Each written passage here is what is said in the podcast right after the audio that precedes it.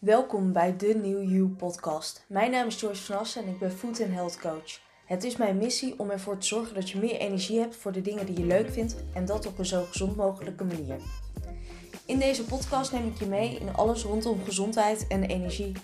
Hierbij gebruik ik soms praktijkvoorbeelden, maar ook de dingen uit mijn dagelijkse, licht chaotische leven. Want hoe fijn is het als je lekker in je vel zit en energie hebt voor wat je leuk vindt en belangrijk vindt. Yes, welkom. Goedemorgen. Of natuurlijk middag of avond, afhankelijk van, van wanneer je dit luistert.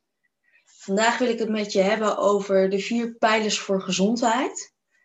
En ik neem je daarin mee, ook aan de hand van een krukje. Dan zou je misschien denken, wat heeft een kruk nou weer te maken met gezondheid? Maar dat ga ik je graag uitleggen. In mijn praktijk coach ik je naar een gezonde levensstijl namelijk. En dit doe ik in hoofdzaak op voeding, maar dat is niet het enige. Ik coach namelijk op vier verschillende pijlers. Voeding, rust, beweging en mindset. Gezondheid is namelijk allesomvattend. Je kunt het niet loszien van elkaar. Nou ja, dat kun je natuurlijk wel, maar dan krijg je niet echt een goed resultaat. Ik vergelijk het dus altijd met dat krukje. Een krukje met vier poten. En als je zo'n krukje koopt in de winkel, zijn die poten even lang, zijn ze mooi in balans en heb je een stevige en fijne kruk. Maar wat nou als je een van die pijlers of poten niet goed in balans hebt? Dan raakt ook die kruk uit balans.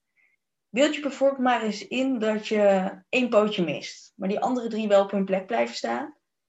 Dan kun je nog steeds wel prima zitten, maar het gaat je wel meer moeite kosten. Haal daar nog een poot weg en dan is het al bijna niet meer mogelijk. De kruk blijft dan van zichzelf ook niet meer staan, welke van die vier poten je dan ook weg hebt gehaald. Als je er nog maar twee overhoudt, staat hij eigenlijk niet meer.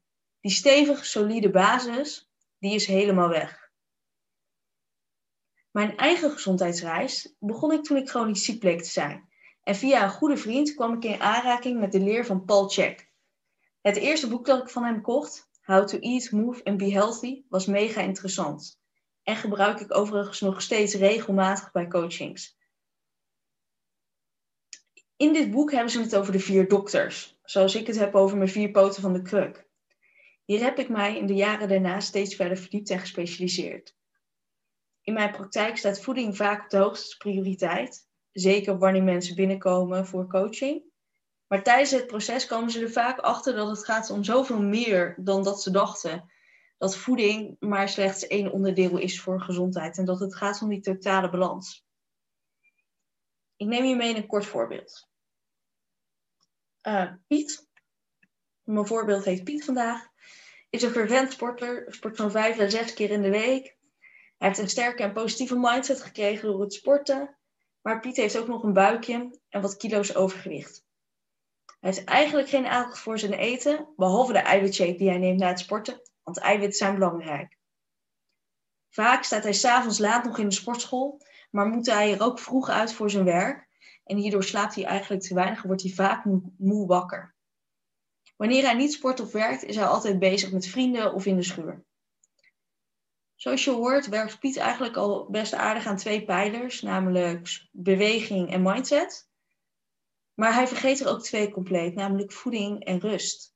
En hierdoor blijft zijn lichaam uit balans. En dat kun je zien in die paar kilo's overgewicht en dat buikje. Ik neem je graag mee uh, op een korte manier hoe ik coach op de verschillende pijlers. En ik probeer ze voor de voorbeelden zo goed mogelijk los te koppelen.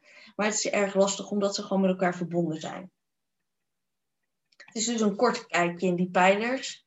En die pijlers ga ik de komende weken nog verder uitdiepen, zodat je wat meer inzicht daarin krijgt. Ik begin met voeding, wat toch wel vaak de hoofdmotor is binnen mijn praktijk.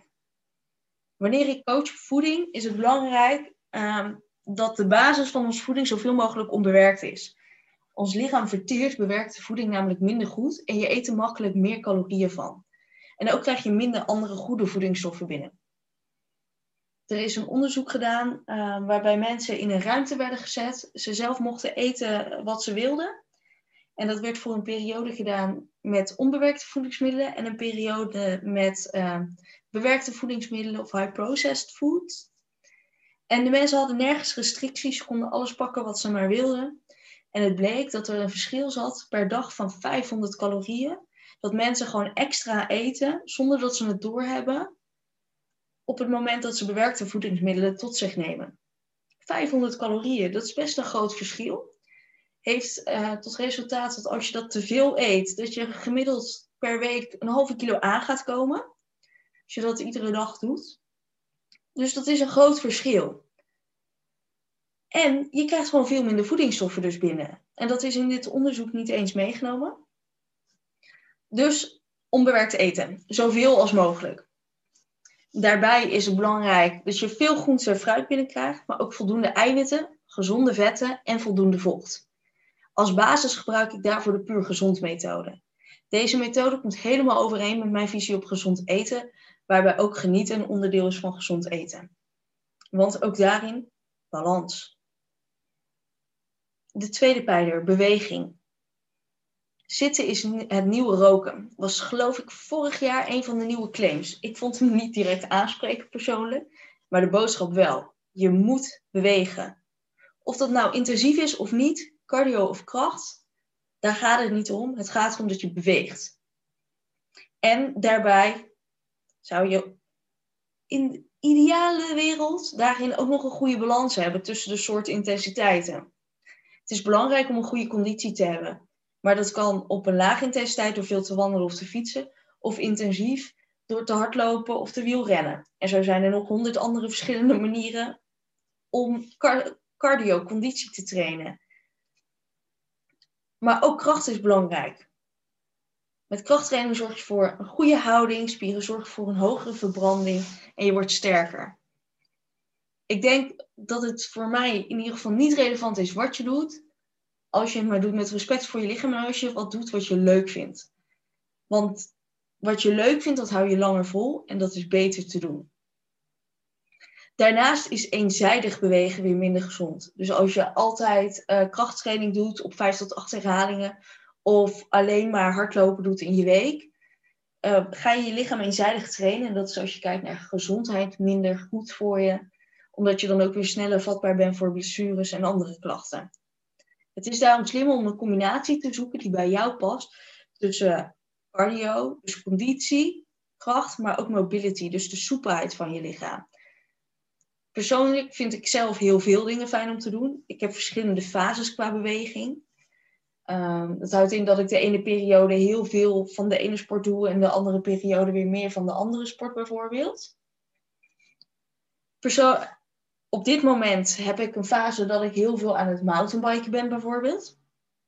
Uh, maar daarnaast doe ik ook aan OCR-training, survival training. Hardlopen, wandelen, yoga, pilates en krachttraining. En dit doe ik echt niet allemaal tegelijkertijd of evenveel in een week. Ik kijk heel erg naar waar ik behoefte aan heb en doe dat. Soms loop ik drie of vier keer week in de, eh, per. Zo. Soms loop ik drie of vier keer per week hard en soms even helemaal niet, om maar een voorbeeld te geven. Bewegen geeft niets aan over de intensiteit. Wanneer je veel energie over hebt, dus goed in je energie zit, kun je prima een workout doen. Een workout betekent een hoge intensiteit en het kost energie. Maar wanneer je vermoeid bent, dan is een workout misschien wel minder slim. Want een workout kost dus energie, maar bewegen is altijd goed. Dus dan kun je bijvoorbeeld een work-in doen. Een work-in is bewegen op een lagere intensiteit waar je energie van krijgt. Voorbeeld daarvan is yoga of wandelen. Het gaat dus ook om de balans binnen de pijlers. De derde pijler, rust of ontspanning. Tijdens je slaap herstel je. Maar ik denk dat rust het meest ondergeschoven kindje is als je het hebt over gezondheid. We slapen korter, zodat we meer kunnen doen op een dag. Slaap is het voornaamste ding qua rust wat we doen of wat we kennen, maar er is zoveel meer. Eerst nog even over slaap. Tijdens je slaap herstel je dus. Dus het is belangrijk dat je goed en kwalitatief vooral slaapt. Een goede graadmeter is of je uitgerust wakker wordt. Het dat is zelfs belangrijker dan hoe lang je slaapt. Maar er is dus meer na slaap. Zo kun je een boek lezen, naar de sauna gaan, in bad gaan. Het gaat om ontspanning. Dus uh, minder prikkels over het algemeen. En zeker in een tijd waar je constant prikkels krijgt. Het is dus een vorm van stressreductie. het verminderen van je stress. En wat enorm belangrijk daarin is, is je, wanneer je lichaam stress ervaart, te veel stress, dan vinden bepaalde processen niet meer plaats in je lichaam. En dat gaat op de lange termijn zorgt dat voor gezondheidsproblemen.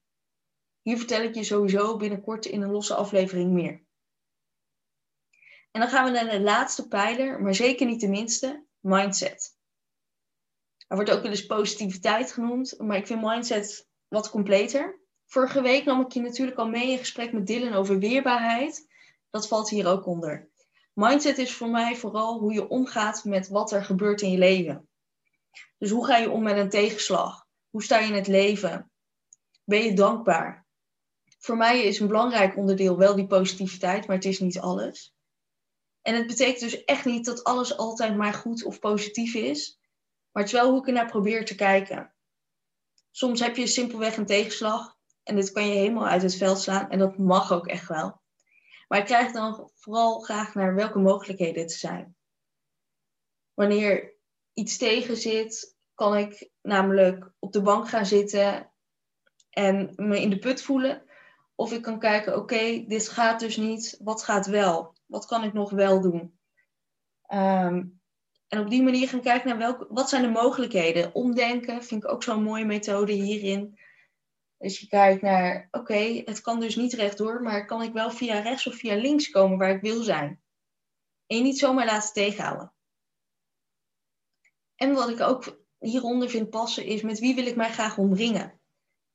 Ze zeggen wel eens, je bent het gemiddelde van de mensen om je heen. Betekent dat als je dus veel mensen om je heen hebt met een gefixeerde mindset, of mensen die erg negatief zijn, zich slachtoffer voelen van de situatie waarin zij zitten, is de kans ook dat jij dat ongemerkt sneller doet. En dat hoeft dus echt niet. Ik vind een groeimindset heel interessant. Daar vertel ik later ook graag meer over. Um, maar uiteindelijk is die mindset ook heel belangrijk om te zorgen dat jij werkt aan die andere pijlers. pijlers. Want als jij vindt dat je het waard bent, dus het gaat ook om zelfwaarde, dan ga je ook goed voor jezelf zorgen en dan zorg je dat die andere pijlers in balans zijn. Nou, dit was eventjes een heel kort inzicht in de vier pijlers voor je gezondheid, die dus eigenlijk ook altijd voorbij komen in mijn coaching sessies. Mocht je hier nou meer over willen weten, je kunt mijn gratis e-book downloaden via de website. En ik zal de link hieronder eventjes inzetten. Waarbij je op basis van deze vier pijlers uh, tips krijgt voor meer energie. Mocht je dat nou goed kunnen gebruiken, kan ik hem zeker aanraden. Maar ook als je hem niet kunt gebruiken. Want uiteindelijk is het hoogste doel is gezondheid. En daar hoort energie bij. Wil je voor vandaag in ieder geval een hele fijne dag wensen en een goede week als je dit luistert op maandagochtend, uh, wanneer deze online staat. Ik wens je een hele fijne dag toe. Dag.